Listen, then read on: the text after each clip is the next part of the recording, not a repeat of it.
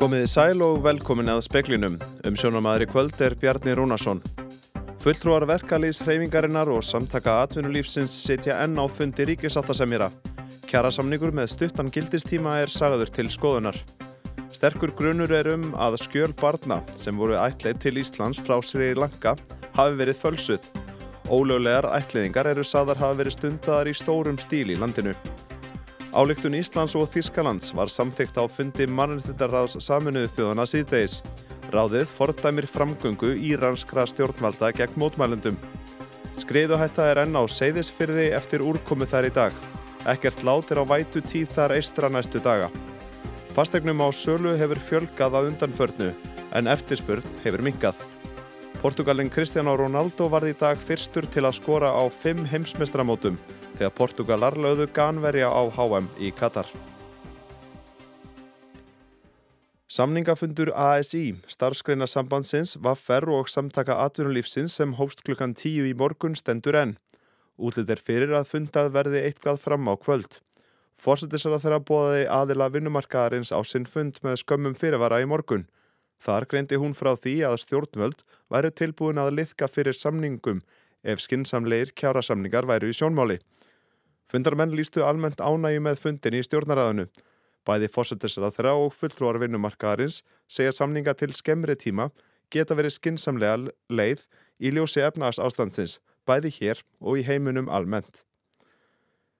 Sterkar grunnsemdir hafa vaknað hjá fólki sem var ætleitingað til lands frá Sri Lanka á nýjunda áratögnum um að ætliðingarskjöl þeirra kunni að hafa verið fölsuð. Sum þeirra hafa þegar fengið það staðfest. Ólögleg ætliðingarstarfsemi er talin hafa verið stunduð í stórum stíl á Sri Lanka með milligöngu svo kallaða barna mangara. Þrýr einstaklingar sem frettastofa hitti í dag eru í óða önna að fara yfir sín mál og í skjölum þeirra er ímislegt sem vekur grunnsendir. Eru grunnsendir um að börnum hafi þá jafnvel verið reynlega rænt? Er verið að tala um eitthvað slíkt? Já, það er alveg að tala um það að bæði börn hafa verið rænt, uh, pur hafa verið fengið til þess að gera konar barsándi og þau hafa fætt barnið og sínum barnið bara tekið og þeim bara hendt út. Vist, þetta var bara fjöldaframhalsla, þetta var bara verksmiða. Og þau náttúrulega haldi í vonina að þau fá pening fyrir það? Sem þið fengu ekki? sem fengu klálega ekki en síðan er eitthvað svona batnamangara sem bara hyrða allt. hyrða allt og hafa að lifa hátt allt sitt líf á því að selja börn mm -hmm. Vist, og selja börn til fólkdra sem hann ætla í góður trú mm -hmm. sem er bara líka bara rosa vond fyrir þessa fólkdra sem hafa ætlið ætlið börn að bara þau fá bara efasni, þú veist, voru við að gera eitthvað ránt en þau voru alls ekkert að gera eitthvað ránt. Að þetta er líka áfall fyrir þau. Söðu Ívar Linur Ingarsson og Ásaðan í Sandi Magnúsdóttir. Gunnildur Kjærúl Birgisdóttir talaði við þau og nánar verður fjallaðum málið í sjóarsvettum klukkan sjö. Skriðuhætta er enn á seyðisfyrði vegna úrkomu síðustu daga. Vassæði í borhólum í hlýðinni ofan bæjarins er farin að rýsa aftur eftir úrkomu gerdagsins. Mikil regningu er spáð í dag, draga á úr henni í kvöld og svo fer aftur að regna á morgun. Óvissustig almannavarna vegna skriðuhættu er enn í gildi á austfjörðum vegna mikillar regningatíðar. Úrkoma síðasta sólarring er svipuð og viðurspár gerðu ráð fyrir en rúmlega 60 mm hafa skilað sér í mæla á seyðisfyrði. Þá hefur vassæði bórhólum hækkað að sögn Magnar Reyns Jónssonar og anflóða sérfræðings og þegar hún er háa þá er bara, er þessi lausi gerðefni svona viðkamari og, og þurfa þá minni úrkomi til að eitthvað fara að stað og það er bara þessi miklu úrkomi sem er verið síðustu vikur sem hefur valdið því að, að grunnvastaðan er orðin þetta há. Og þeir sjáðu ekki ástæðu til að fara út í það að rýma? Nei, við hérna höfum ekki, ekki séðan einn svona merki sem, sem væri þá svona myndu ít okkur út í það við fylgjum spæði með mæltækjum og, og, og svo er fólk svona í vettámsatuðunum. Viðspá gerir ennráð fyrir nokkur í úrkomi á östfjörðum næsta sólarsing og búist er við yfir 80 mm á síðisfjörðin fram á lögadag. Sunna Karin Sigurþórsdóttir tók saman og talaði við Magnar Reyn Jónsson og Vanflóða Sérfræðing. Marrenditaráð saminuði þjóðana samþekti síðdeis að fordæma framgöngu stjórnvalda í Íran gegn mótmælendum. Álegtun Íslands og Þýskalands var samþygt á fundi um að sjálfstæðri og óháðri rannsóknarnemnd verði komið á fót til að sapna gögnunum gögnum sem geti nýst í málaferlum gegn þeim sem beri ábyrð. Mótmæli hafa staðið í Íran síðan í september en konur hafa leitt andófið krafist réttinda og frelsis. Stjórnvöld eru sögð hafa mætt mótmælendum af mikilli hörku og fjöldi fólks hefur látist verið handtekið og jafnvel dæmt til dauða. Bóða var til sérstags aukafundar í mannreitindaráðinu í dag að frumkvæði Íslands og Þýskalands vegna hríðvestnandi ástands mannreitindamála í Íran. Fulltrúi Írans á fundinum, Khadijeh Karimi, saði fjölda Evrópuríki ekki hafa siðferðislegan trúverðleika til að vanda um fyrir öðrum í mannittindamálu. Against such a background, the above mentioned countries lack the moral credibility to preach others on human rights and to request a special session on Iran. 25 ríki mannreitindaráðsins samþyktu álugtununa þar á meðal bandaríkin. Seks greitu atkvæði gegn henni, Kína, Pakistan, Kúpa, Eritrea, Venezuela og Armenia, en 16 sátu hjá. Bjarni Pétur Jónsson saði frá.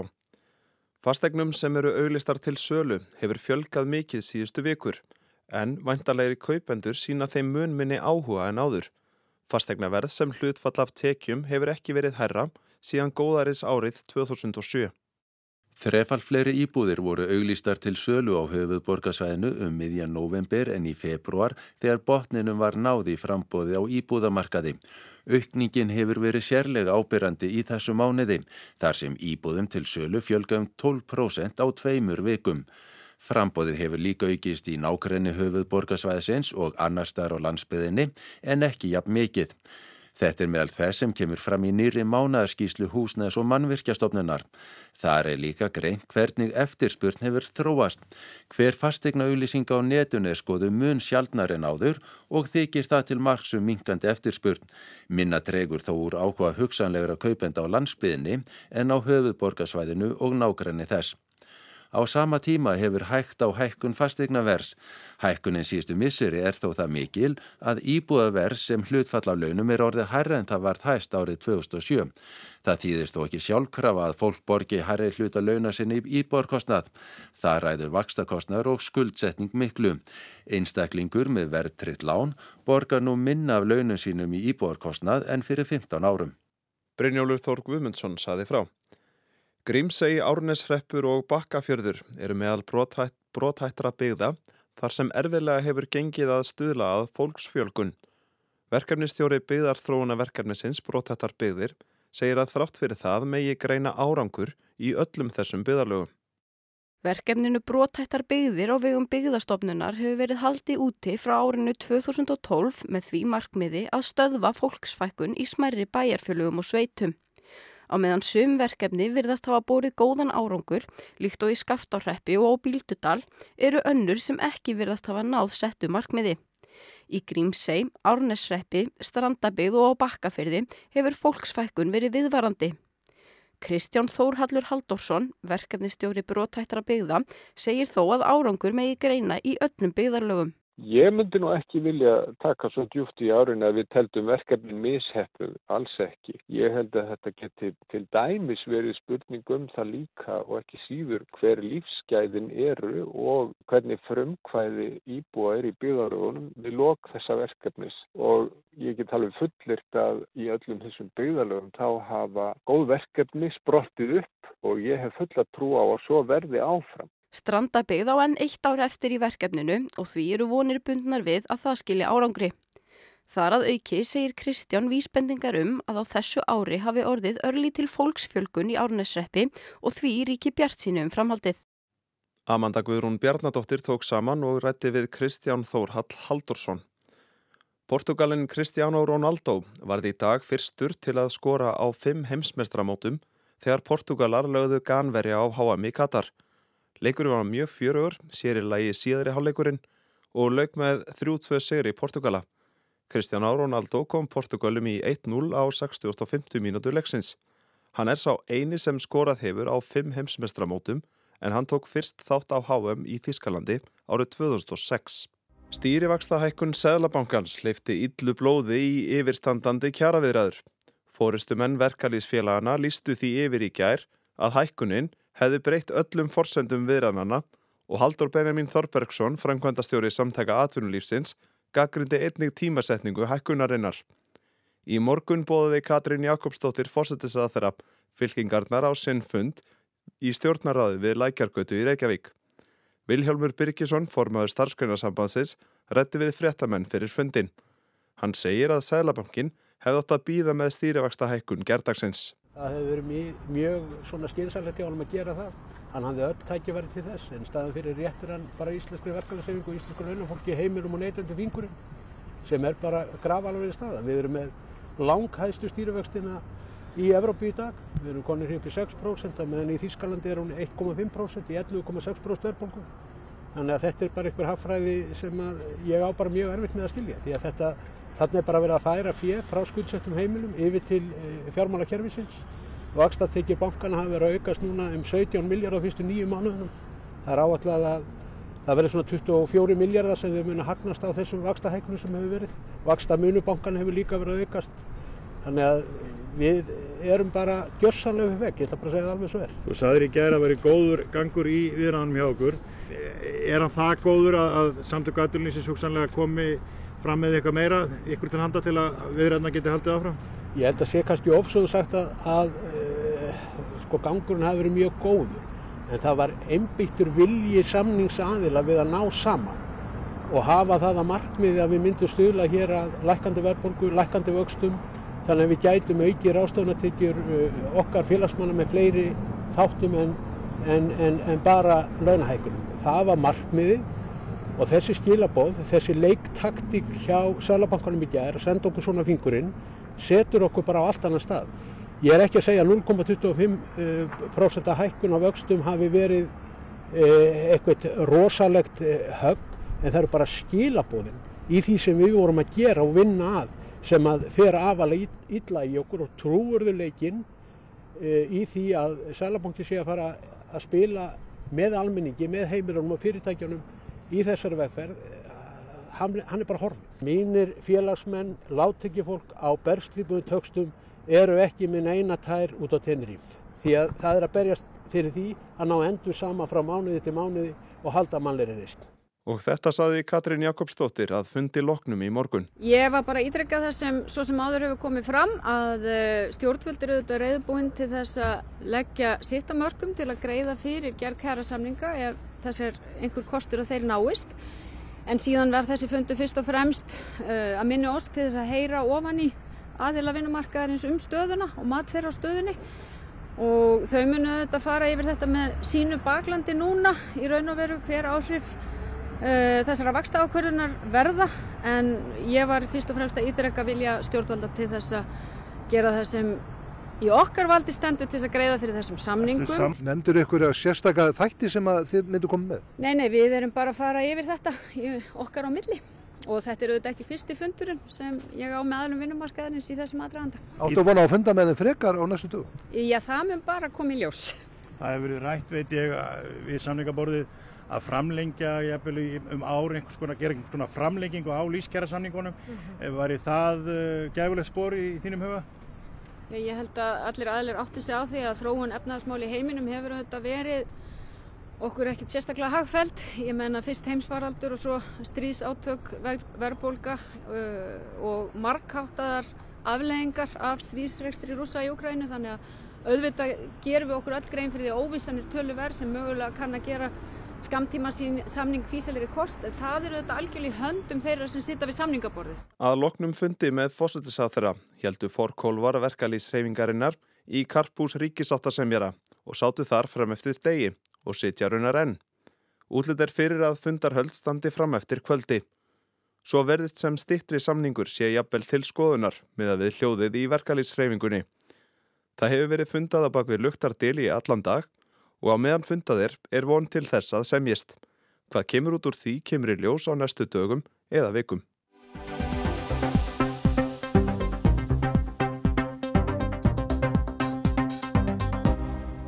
Þoka grúði yfir kænugarði höfuðborg Úkrænu í dag. Það ringdi lítilega og hitin var rétt yfir frostmarki. Útlitt er fyrir að hann hangi nálagt núlinu í nótt.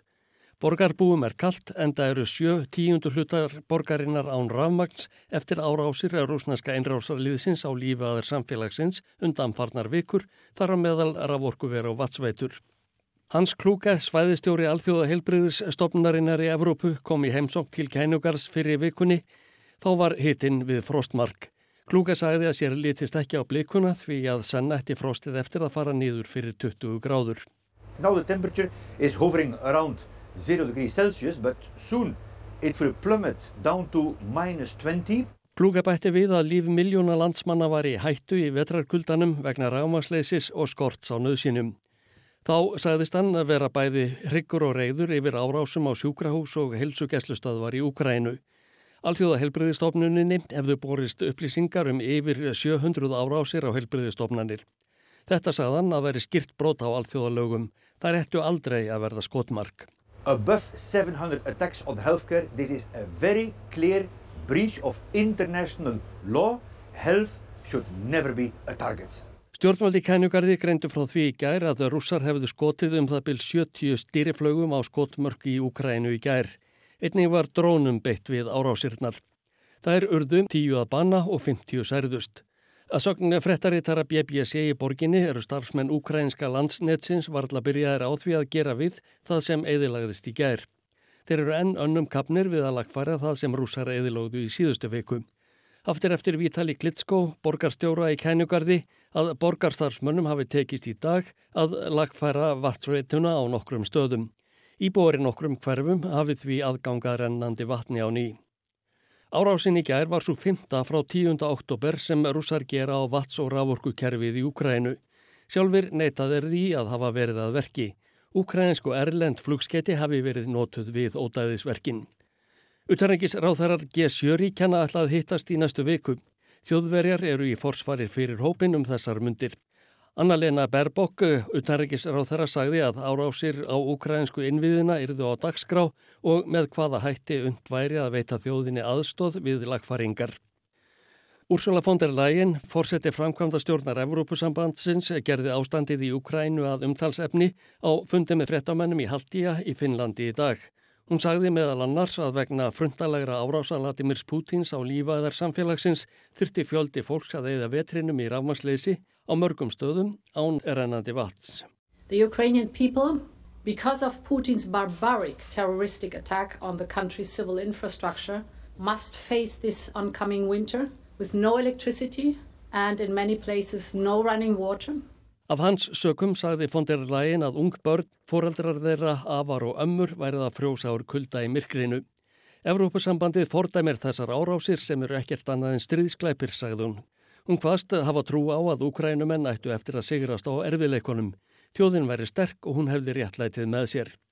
Einnig hvaðst Úrsula von der Leyen geta tilkynnt að Evrópusambandið væri í óða önn að undirbúa nýjunda hlutar efsi aðgerðana sem rúsar eru beittir vegna innrásarinnar í Ukrænu.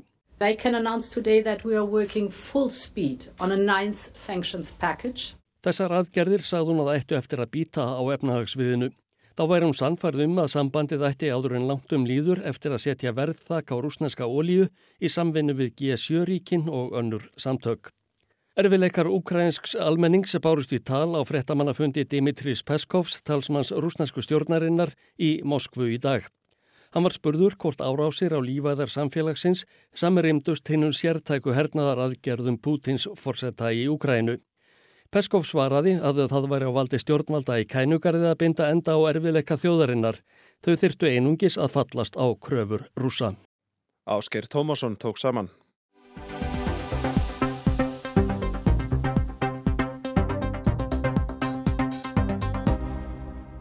Flagskip Breska Flótans kom óvand til Osloar í Noregi áður en lengra er haldið norður á bógin. Þetta er talið dæmi um að ein, einnig brettar beini nú sjónum sínum í norður til að mæta vaksandi ógn frá rúsum. Gísli Kristjánsson, fréttarittari í Oslo, leita á skipið og spáir hér í hvað brettum gangi til með heimsóksinni. Oslo var búum brá í brún þegar gríðar mikið og grátt herskip byrtist öllum og óvörum inni á Oslo var fyrði. Skipverjar bundu landfestar fyrir framann ráðhúsborgarinnar Opinberg gögn sína að ferlíki þetta kunni vera nær 300 metra langt og burðan getan mælt upp á 65.000 tonn. Alls 1.600 manns í áhöfn. En blessunulega vinnveitt skip því það ber nafn Elisabetar drottningar, frænku Noregskonungs og er annaða tveimur flugmóðuskipum breyta og flagskip flota þeirra. Tilgangurinn með komunu til höfuborga Noregs er augljóslega minna á nærveru sína. Það er hins breska flota sem einu sinni réðu öll á heimshöfunum og ferðinni jafnvel heitið enn lengar norður. Breski flotin hefur vart látið sjá sig á þessum slóðum síðan í síðar í heimstyrjöld. Þó er fráuru taldar ferðir á Íslandsmiði þorskastriðunum. En þetta sínir og sannar fólki að stríðið færist nær. Staðan í Evrópu hefur breyst í grundvallar atriðum á einu ári. Frjálsar þjóður Evrópu hafa vaknað upp við vondan draum eftir innrás rúsa í Úkrænu og æg hörmulegra stríð þar með skipulegum árásum á óbreytta borgara.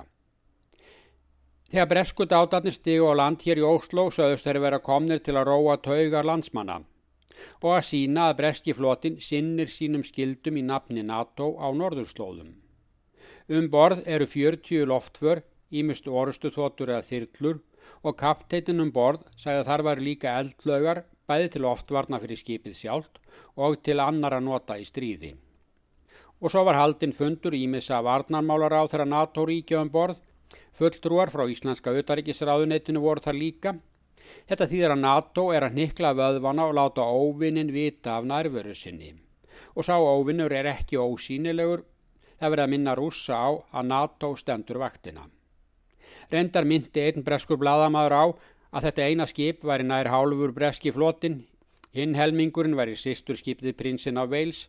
Bæði þessi skip kom í gagnið eftir að rússar herrtóku Krímskaga árið 2014.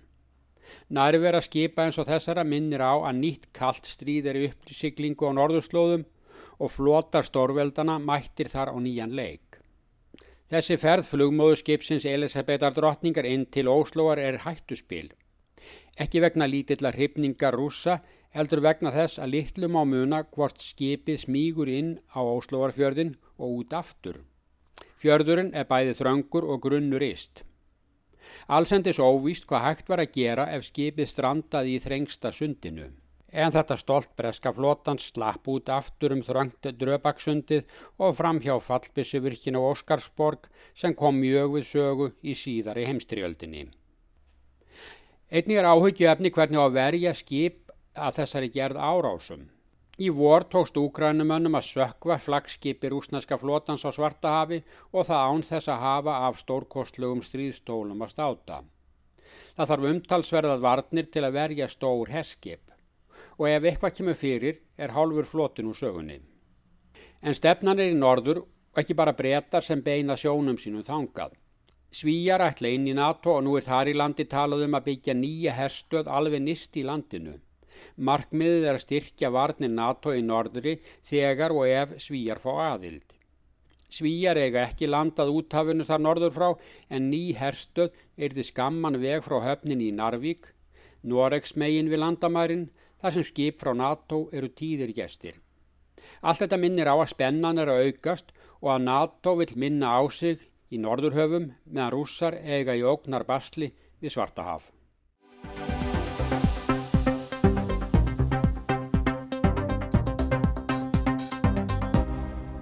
Stitting stúdentsbrauta í framhaldsskólum landsins úr fjórum árum í þrjú hefur leitt til þess að sumar námskreinar hafa ímist verið gerðar aða valgreinum eða dottið alveg út.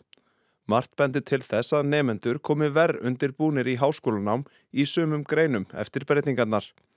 Þetta er meðal þess sem ný rannsókn leiðir í ljós um áhrif stýttingar stúdensbröta á nefendur.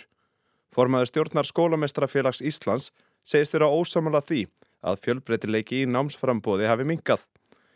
Fjögur ára eru liðin frá því að fyrsti árgangur útskrifaðist úr þryggja ára námi til stúdentsprófs og fyrir tveimur árum var greint frá því að meðalengunir stúdenta hefur lækkað eftir breytinguna en að brottkvarf hefði minkað um hálft prósent. Aftur á móti kom þar fram að andleiri heilsu stúlna hefði hrakað og að fleiri nefnendur innu samhliða náminu. Nýlega var rætt við Marju Jónasdóttur, doktorsnema í morgunútvarpir á SAR 2 en hún hefur ansakað útfæslu og áhrif styttingar náms til stúdensprófs. Saði hún þar að frambóð greina innan ákveðina námsbröta eins og raungreina hefði breyst. Við sjáum það að tiltekinn fög sem voru kannski hlut af kjarna hafa annarkvort orðið sérst að valgreinum eða þá bara algjörlega horfið úr mm. námskránni. Önnur fög hafa haldið sinni stöðu og jafnvel styrt sína stöðu innan brautana. Helga Kristín Kolbeins, formaður stjórnar skólamestrafélags Íslands og skólamestari framhaldsskólans í Vestmanni, segist ekki geta kvittað undir þetta. Ég er ekki alveg sammála því það sé minni fjölböytileiki í fögum sem að nefndu stöndu til bóða. Af því að námsböytirnar stútestrói, það er aðnámsfólk og línusna með innfækið og það er ákveðin kjarni sem er skilda. Og síðan hefur valið aukist mjög mikið hjá nefndum frá því sem áður var. Þannig að þau hafa miklu meira var um hvað þau eru að taka heldur náður. En nú er þetta komið úr fjórum árum neyri þrjú og það komið talsverð reynsla á þetta. Hvernig eru nefnundir undirbúinir undir háskólanám þegar þeir klára þessi þrjú ár saman boru við þegar það voru fjórar? Já, við þurfum náttúrulega að skoða þetta í heildinni. Það að námstíminn hafi verið dittur úr fjórum almanagsárum í þrjú almanagsár að jafna þið að það þýðir það ekki að hérna, nefnundur séu minna í skóla þegar kemur að því að þið fari í háskóla heldur náður var. Helga bendir á að skólaárinu hafi verið breytti í grunnskólunum. Nefnendur eru lengur í skólanum en áður. Skólaárið er nú 180 dagar í stað 170 daga áður og fara yfir það efni sem áður var kent á fyrstu önni í framhaldsskóla áður en námi í framhaldsskóla hefst. Það nái stýtting framhaldsskólastegsins aðeins tilbröyta til stúdensprófs en ekki alls náms í framhaldsskólum. Ef þú spyrir skólameistara eins og mig sem er í litlum skóla, hvað mér finnst um að vera með þau árið stýttra í stúdensprófunu, þá finnst mér að þekka datur því að þá er ég með farið nefndur í skólanu og það hefur kannski meiri áhrif út á landa því að háskólanir eru nú flestir á höfuborgarsvæðinu þannig að þá er það að flytja til úr, úr sveitafélónum. En breytir þetta eitthvað álæginu á framhaldsskólu nefnendur? Finnið þið það? Þetta, þeir séu undir meira álægi eftir, eftir styrninguna heldur en maður áður? Það sem ég finn með álægið að það, það er breytir kjensluhætt að það er miklu meiri vinna á nefnendur sem þau fyrir að skila í áfengum heldur en var áður. Þetta síma sem er mjög víða komið í staðan til þessi lokapróf sem voru bara fyrst ára ári, jafnvel einu svona ári. Þau eru mikið til dottin út þannig að álægi breytist þannig að það er jægt og þettin ekki svona uh, bara einhverjum lótu og síðan eru, eru nefnendur sem hafa marga hatta, þau hafa náttúrulega tífilega langan vinnutíma. Og það er eitthvað sem við viljum kannski að skoða. Það er afhverju þetta er eins og aðgengja námstögnum að okkar nefnendur í framhaldsskólum þurfa að greiða það sjálfur á meðan að nágrannlöndin þá, þá er þetta skaffað.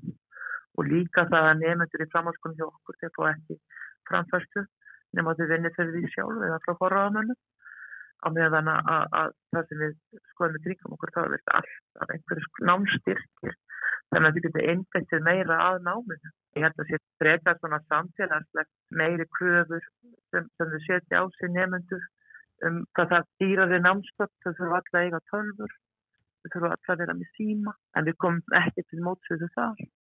Saði Helga Kristín Kolbeins. Það var helst í speiklunum í kvöld að fulltrúar verkalýsreifingarinnar og samtaka atvinnulífsins sitja enn á fundi ríkisáttasemjara. Kjærasamningur með stuttan gildistíma er sagður til skoðunar. Sterkur grunur er um að skjöl barna sem voru ætlið til Íslands frá Sri Lanka hafi verið fölsuð. Ólöglegar ætliðingar eru sagðar hafi verið stundadar í stórum stíl í landinu. Álugtun Íslands og Þískalands var samþygt á fundi mannreitindarraðs saminuði þjóðana nú síðdeis. Ráðið fordæmir framgöngu íranskra stjórnvalda gegn mótmælendum. Skreiðuhætta er enn á seyðisfyrði eftir úrkomu þar í dag. Ekkert lát er á vætu tíð þar, þar eistra næstu daga. Fastegnum á sölu hefur fjölgað að undanförnu en eftirspurn hefur minkað.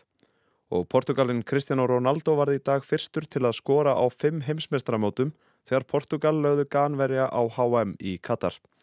Lítum þá til veðus. Norðaustan og austan 10 til 18 metrar á sekundu og væta með köplum en sumstaðar talsverðrykning á Suðausturlandi og á Östfjörðum. Yfirleitt úrkomi lítið á Vesturlandi. Hiti 2 til 8 stig. Norðaustan 5 til 15 á morgun, kvassast norðvestan til. Yfirleitt þurft á Suður og Vesturlandi, annars rykning með köplum en bætir í úrkomu um tíma austan til eftir hádegi. Fleira er ekki í speiklunum í kvöld. Tæknimaður var Magnús Þorstein Magnússon. Frett átsendingu stjórnaði Valgerður Þorsteinsdóttir. Njóti kvöldsins og verðið sæl.